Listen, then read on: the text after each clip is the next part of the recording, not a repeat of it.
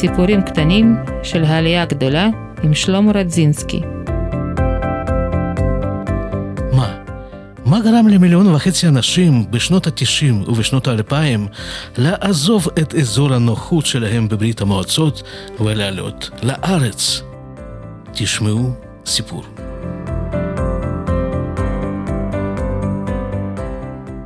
שלום לכם המאזינים היקרים, היום אנחנו מארחים את שרה גרושקו. שלום. ערב טוב, אה, שבוע טוב וחודש טוב. שלום, ערב טוב. מה שלומך? תודה לאל, בסדר גמור. אה, טוב, אז בואי נתחיל. נתחיל מ... ממה נתחיל? איפה את גרה? אני, אני גרה בבית אל, מקום הכי יפה בארץ, כי uh, כאן יש לנו נקודה, נקודה אחת כזאת, uh, בבית אל נקרא תצפית ארטיס, ושם אנחנו רואים את כל המדינה שלנו. וואו, כמה זמן את... אנחנו כאן יותר מ-30 שנה, ממש מדקות הראשונות בארץ ישר הגענו לבית אל. איפה נולדת? אני נולדתי באוקראינה, אבל להתחלה אני רוצה להגיד ככה, אנחנו המשפחה קלאסית, משפחה סובייטית. אני ובעלי, הוא יהודי, אני גיורת. אני ממשפחה רוסים מכל הכיוונים, מאבא, אימא, סבא, סבתא. אין שום קשר ל... אין שום קשר ליהודית. עברת גיור כאן בארץ. כן, עברתי גיור כאן בארץ, אבל פשוט, תשמע, כשאני התחתנתי, אני לא התחתנתי עם יהודי, אני התחתנתי עם בעלי, וזה לא היה כל כך משנה. 70 שנות שלטון קומוניסטי, שלטון חילוני לגמרי, שהרס את כל הדתות, הרס את כל האמונות של אנשים, זה עשה את הדבר שלו. וברוך השם אנחנו כאן. אז נולדת באוקראינה. נולדתי באוקראינה, אבל גדלתי, גדלתי במדינות אירופה ברספובליקות של ברית המועצות. אבא שלי היה קצין, קצין בכיר, ועברנו ממקום למקום, מבסיס לבסיס, עד שסיימתי תיכון, עד שקיבלתי בגרות. החלפתי אולי שבעה בתי ספר. איך בנויים החיים של קצין בצבא האדום? מעבירים אותו כל, לא יודע, כל שנה, כל חצי שנה ממקום זה, ל... היו מקומות שהיינו גרים שם שנה וחצי, והיו מקומות שהיינו גרים שם ארבע-חמש שנים. זה לא תלוי. פקודה והוא עובר כן, עם כל המשפחה כן, למקום אחר. כן, המפקד. מה, מה הייתה המקצוע שלו בצבא? בתקופת המלחמה הוא היה חבלן. כשהתפרצה מלחמת העולם השנייה, הוא היה בן 16, ברח לחזית עד הסיום, ואחר כך נשאר שם עוד שלוש שנים כחייל. הייתי ילדה, שאלתי למה בחרת להיות קצין? הוא אמר, כשהתברר ככה, מלחמה הסתיימה, אני בן 20, אני לא יודע כלום, שום דבר, חוץ מלירוק אנשים לפני שהם הורגים אותי. הבנתי שאני צריך להמשיך עם זה. אמרתי, מה, לירוק אנשים? לא, להגן שלא יהרגו אותנו. אבל באמת, הוא לא מהרצון או משהו כזה, כי באמת, זה דואר שלהם שהם באמת חזרו, אנשים כשארבע-חמש שנים מוכנים יום-יום, כל דקה להרוג, זה, זה, זה לא נורמלי. זה קשה מאוד. זה בעלי, הוא נולד בבירוביג'אן וגדל בבירוביג'אן, ובחיים הוא לא שכח. גם לא רוצה לשכוח, וגם היו מזכירים לו, אפילו אם היית רוצה לשכוח שאתה יהודי, היינו, היו מזכירים לך ש... כמה מילים על בירוביג'אן ועל איך קוראים לזה? המחוז או היהודי האוטונומי? כן, המחוז היהודי האוטונומי. האוטונומי היהודי זה הביסה למזל שסטלין בנה ליהודים של ברית המועצות. באיזה שנה? 30 ומשהו. 33, כן. שם היו אנשים, היהודים, הם תמיד מאמינים במשהו טוב. הם תמיד מצפים משהו טוב. כשסטלין הכריז כזה, האוטונומיה היהודי, היו שם לא מעט אנשים שהגיעו מחו"ל, מברזיליה, מאמריקה, יהודים. מארגנטינה, יהודים, כן. שבזמנו ברחו מכל הפגרומים, מכל הטבחים בשנים קודמות, ואנשים חזרו. עם כל הירושה שלהם, עם כל המפעלים, עם כל הכלי העבודה, עם כל הכלים חקלאיים, היו שם במשך אולי מקסימום שמונה, עשר שנים, לא נשאר אף אחד מהאנשים האלה. סטלין טיפל ב... סטלין, כן, כן. ברביצ'אן גם מקום, עיר מאוד מאוד יפה. זה על שפת נהר בירה.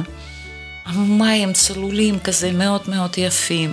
בקיץ פלוס 35, 37, מזג אוויר עם לחות גבוהה כמו בתל אביב. בחורף גם 37 רק מינוס. אני קראתי קצת על האזור הזה, ומה שקורה שם עכשיו, שב... במחוז היהודי האוטונומי גרים משהו כמו 160-150 אלף איש. כן. ש... ומתוכם אחוז אחד יהודים. אני חושבת שזה הגזמת. אני חושבת שאולי שליש אחוז. בזמננו זה היה נקרא המחוז האוטונומי היהודי, ושם היה אולי חמש, חמישה אחוז יהודים. שנות 80. משפחה של חמי, הם הגיעו לשם ממש כזה מתחילת שנות 30, איך שממש בין הראשונים. משנות 33 או 34 הם שם, אז הם עוד ראו בית ספר שלמדו ביידיש. ואמרת שדווקא במקום הזה, המקום מיועד לאכלוס יהודים, לבעלך הזכירו מדי פעם שהוא היה שם אנטישמיות. ועוד איך? אני, אני הגעתי לשם רק כשהתחתנתי עם בעלי, אז זה היה כבר שנות 80, והיה נו, קודם כל הוא היה כבר, אנחנו כבר לא היינו קטינים, אנחנו כבר היינו סטודנטים, והוא היה ספורטאי גם, טוב, וגם היו חברים ויהודים ולא יהודים, אבל אה, כשהבת הגדולה שלנו הייתה בגן ילדים, באיזשהו שלב אה, אה, החליטו ללמוד בגן ילדים יידיש. היא חוזרת איזה יום אחד, אני לקחת אותה, חוזרים הביתה והיא מספרת, סבתא, את יודעת, אנחנו מתחילים ללמוד יידיש.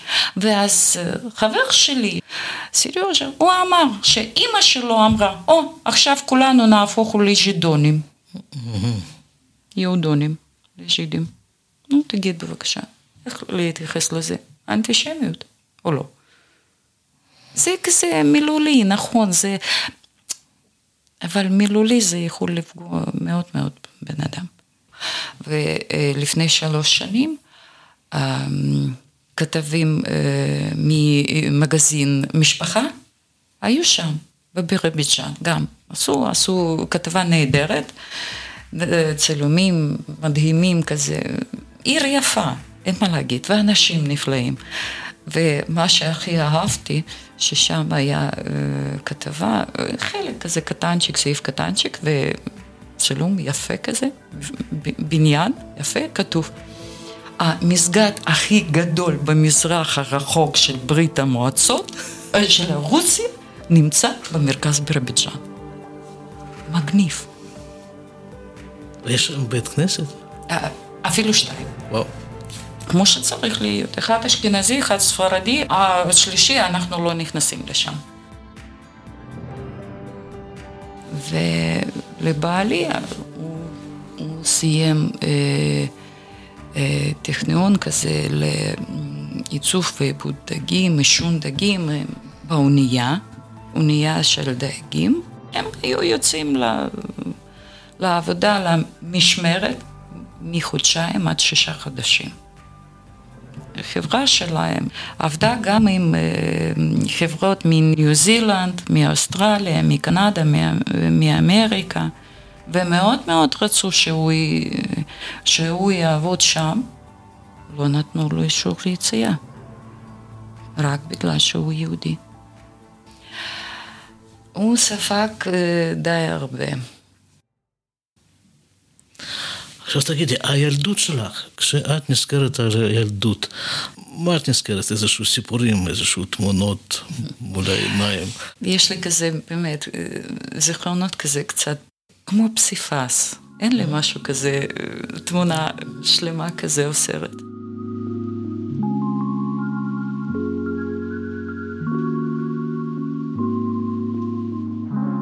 אני זוכרת את עצמי מגיל שנה וחצי. אני זוכרת שעשו לי ניתוח שקדים. אני זוכרת שהיה לי כואב, ואחר כך אנחנו נסענו לתוך מונית, ואני זוכרת שרופא אמר לאימא, תקנו לה גלידה. ואני מפסיפס, אני זוכרת שפתאום הטלפון מתקשר.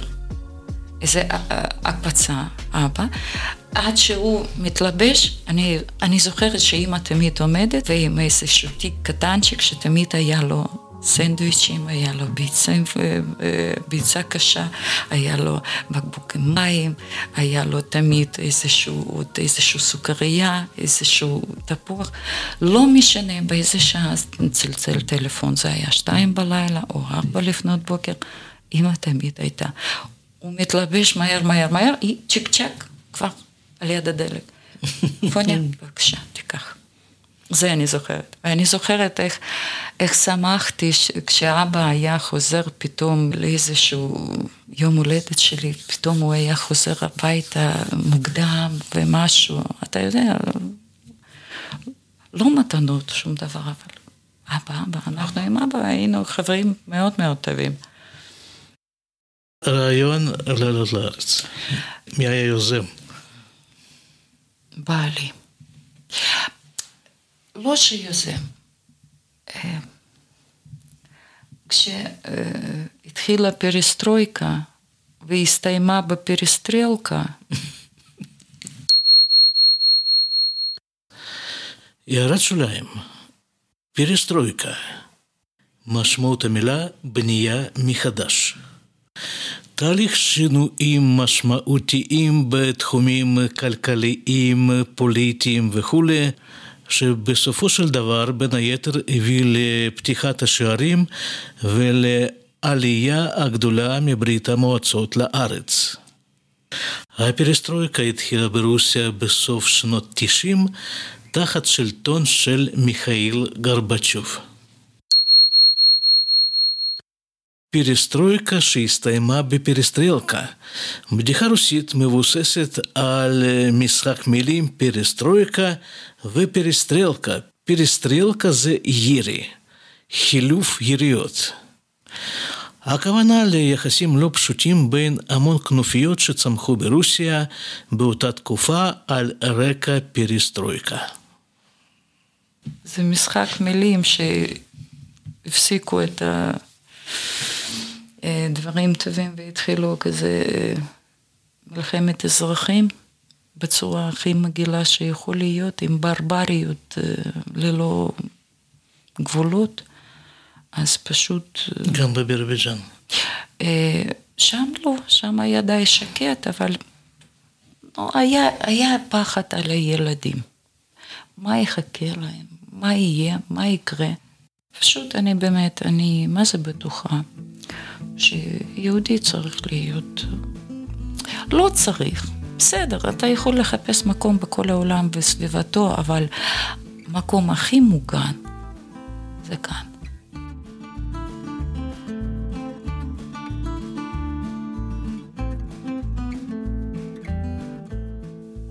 זה בארץ, זה בארץ ישראל, ב... בארץ הקדושה הזאת, זה במדינת ישראל, זה רק כאן. טוב, אז החלטתם, כן, החלטתם כן. ואיך זה התפתח? כן.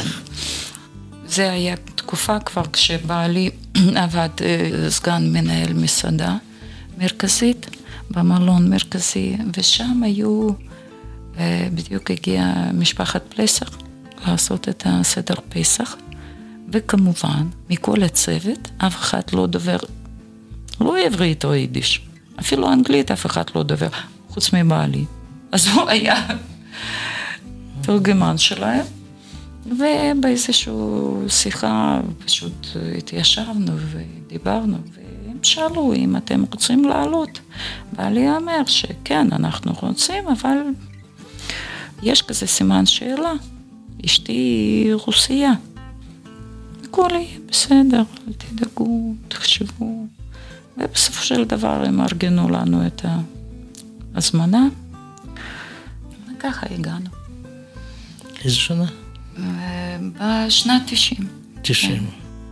היה דרך קצת ארוכה, כי זה עוד לא היה טיסות ישירות לנתב"ג, זה אנחנו יצאנו בבוקר ממוסקבה לוורשה, הגענו לוורשה, ושם אפילו לא, לא ירדנו מהמטוס, ישר כל הצוות ירד, כל הטייסים, דיילות, כל הצוות ירד, הגיעו, ישר הגיעו אה, חיילי צה"ל מסביב למטוס כזה עם הנשק, וכולם מסתכלים, חיילים ישראלים כזה, עם סמל מדינת ישראל, כזה יפים, גבוהים, חזקים כזה, וואו, זה היה פשוט מדהים. הגיע צוות ישראלי, טייסים, דיילות, ועוד כמה שעות, והיינו כבר בנתב"ג. זה היה מגניב, מדהים, זה היה, וואו, פשוט. יצאנו ממוסקבה, זה היה מינוס 20, הגענו לכאן פלוס 20. זה היה פשוט, לא יודעת, זה היה חום כזה, חום ממזג האוויר, חום מאנשים, מקבלים, מפגשים, בסדר, היה, היה מדהים. Mm. אז, ולא היה לנו איזושהי נקודת, נקודה מסוימת, לאן שרצינו, היינו רוצים להגיע, לבנות בית, כי לא ידענו שום דבר, לא, היינו, לא היה לנו כאן אף אחד שאנחנו היינו מכירים, חוץ מהמשפחה פלסר. הם היו אצלנו בבירוביג'אן, ערכו שם לילה סדר, ואפילו לא היה צל של הספק שאפשר לבוא אליהם. וכשהגענו עם המנית, הגענו לבית אל, אנחנו הבנו שכאן היה מאורגן בשבילנו כבר איזשהו קומה אחת בבית שלהם. ושבוע אנחנו היינו מתגוררים אצל משפחת פלסר, ואחר כך קיבלנו קרוון.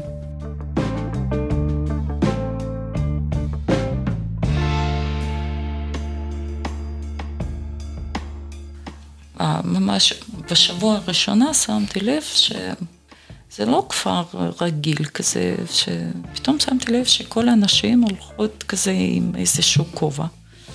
שאלתי, אירנה גינזבורג. היא הייתה צמודה אליי, עלינו כזה שהם דוברי רוסית, וממש היא לקחה אותנו למרפאה, למכולת פה ושם, ואני שאלתי אותה, והיא אמרה לי שאנחנו יישוב דתי. שאלתי אותה עוד שאלות, עוד שאלות, והזכרתי שבזמנו סבתא שלי סיפרה לי, הסבתא שלי, שתי סבתות, היו מאוד מאוד דתיות. נוצריות. נוצריות, mm-hmm. מאוד מאוד דתיות. וניסו ללמד, לקחת לכנסייה פה ושם. ופתאום התחלתי לקרוא, התחלתי לזכור את ה... אתה יודע, כזה ש... והכי מגניב שאימא של אבא שלי, היא, אני עכשיו אפילו לא מבינה מה היא הייתה, כי היא הייתה מכבדת ברית הישנה. אבל היא הייתה קוראת עצמה נוצרייה.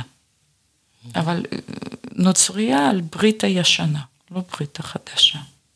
מוזר קצת, אבל היא למדה, וכשהתחלתי לקרוא, הבנתי שאני, אני פעם שמעתי את זה, אבל לא בדיוק, אתה יודע, זה, זה כזה כבר... משהו מוכר. משהו מוכר. התחלתי לחפור, ו...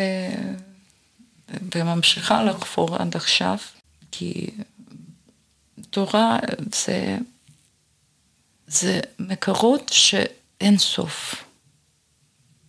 שזה בור של המים, שאני לא יודעת, אין להם מילים מספיקות אפילו, בכל השפות שאני יודעת, שזה כל החכמה, כל, ה, כל התחושות, כל... אני לא יודעת. הכל יש לך שם. רק תיקח, רק תפתח, רק תקרא, רק תבין. איך הגעת לרעיון אה, לעבור גיור?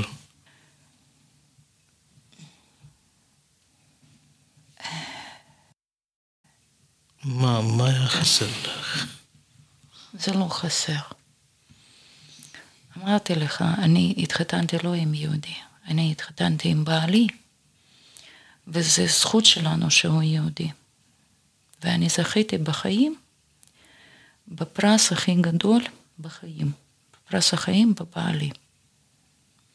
ועל יד הנשמה הטהורה כזאת, אפילו שמההתחלה לא ידענו כלום. צריך להיות גם נשמה מתאימה. שהוא טהור, שהוא לא, לא יקבל טומאה. אני מאוד מאוד אוהבת סרטים, ואני זוכרת, היה איזשהו סרט נהדר, מאוד אהבתי אותו בזמנו, שתיקה של דוקטור איבנס.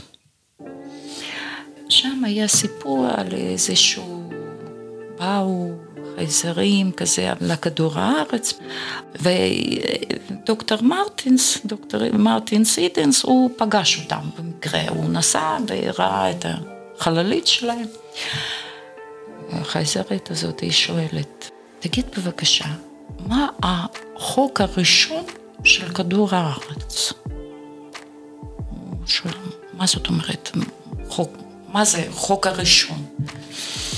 אז אה, היא אומרת, נו, אתם גרים בכדור הארץ, מה החוק הראשון שהוא לכולם, אותו חוק? אין לנו. יש לנו 200 מדינות, לכל מדינה יש חוקים משלה.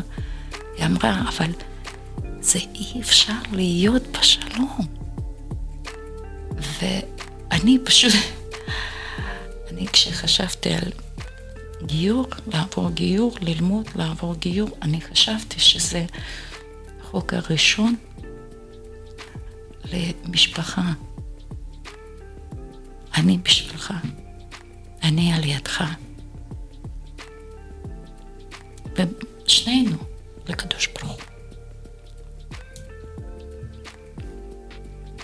הצלחת? מקווה שכן. אנחנו לומדים. זה אי אפשר, לי. אפשר להגיד שזהו, למדתי הכול. אני יודעת הכול. לא, אבל אנחנו לומדים. דף יומי, יום יום. עוד משהו, עוד משהו, עוד משהו. אז בעצם הנושא המרכזי של הפרויקט הזה זה עלייה. עלית? עלינו. עלינו. באמת עלינו. אנחנו לא, לא שינינו את הכתובת, אבל באמת עלינו. וזה באמת היה עלייה.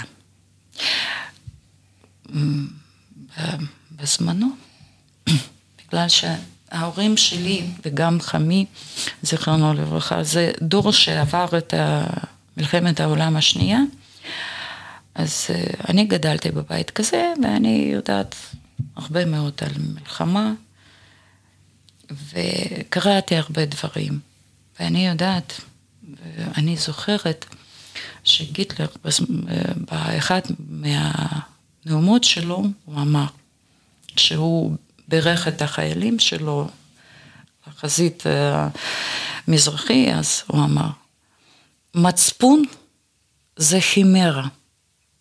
אני לקחת את החימרה שלכם. זה עליי. אתם חופשיים מהחימרה הזאת. אתם חופשיים מהמצפון. אז אני חושבת שהעם שנתן לעולם את המצפון, את החוקים וכלים לבצע את, לשמור את החוקים האלה, שהוא חייב להיות. ואנחנו צריכים לעשות הכל, להתפלל שקדוש ברוך הוא ימשיך לתת לנו את הגיבוי שלו ואת היד חזקה וגב שלו והשכינה שלו. נקווה שנצליח ביחד. בעזרת השם. בעזרת השם. טוב, אז בנקודה הזאת אנחנו נסיים. תודה לאורחת שלנו, שרה גרושקו. תודה רבה. תודה שהזמנתם. תודה. תודה. חודש טוב.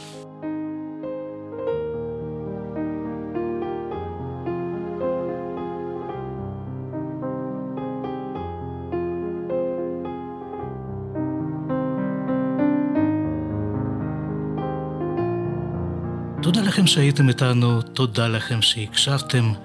אתם יכולים להאזין לפרקים של הפודקאסט באתר הפודקאסט www.aliyah2000.co.il ובכל אפליקציות פודקאסטים. בעונה הזאת, הפרקים החדשים יפרסמו בלי נדר פעם בשבועיים. באתר הפודקאסט, בפינה הימנית העליונה, אתם תוכלו למצוא כמה סמלים עגולים, ובעזרת הסמלים האלה לפרסם ולהפיץ את הפודקאסט בין החברים שלכם. סמל אחד עם ציור לב באמצע זו מערכת פטריון. בעזרת המערכת הזאת אתם יכולים לתמוך את הפרויקט. ובעיקר, תפיסו את הפודקאסט ברשתות חברתיות, בדור אלקטרוני, בכל האפשרויות. זה מאוד יעזור לנו להתקדם.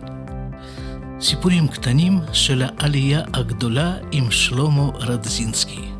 שלום.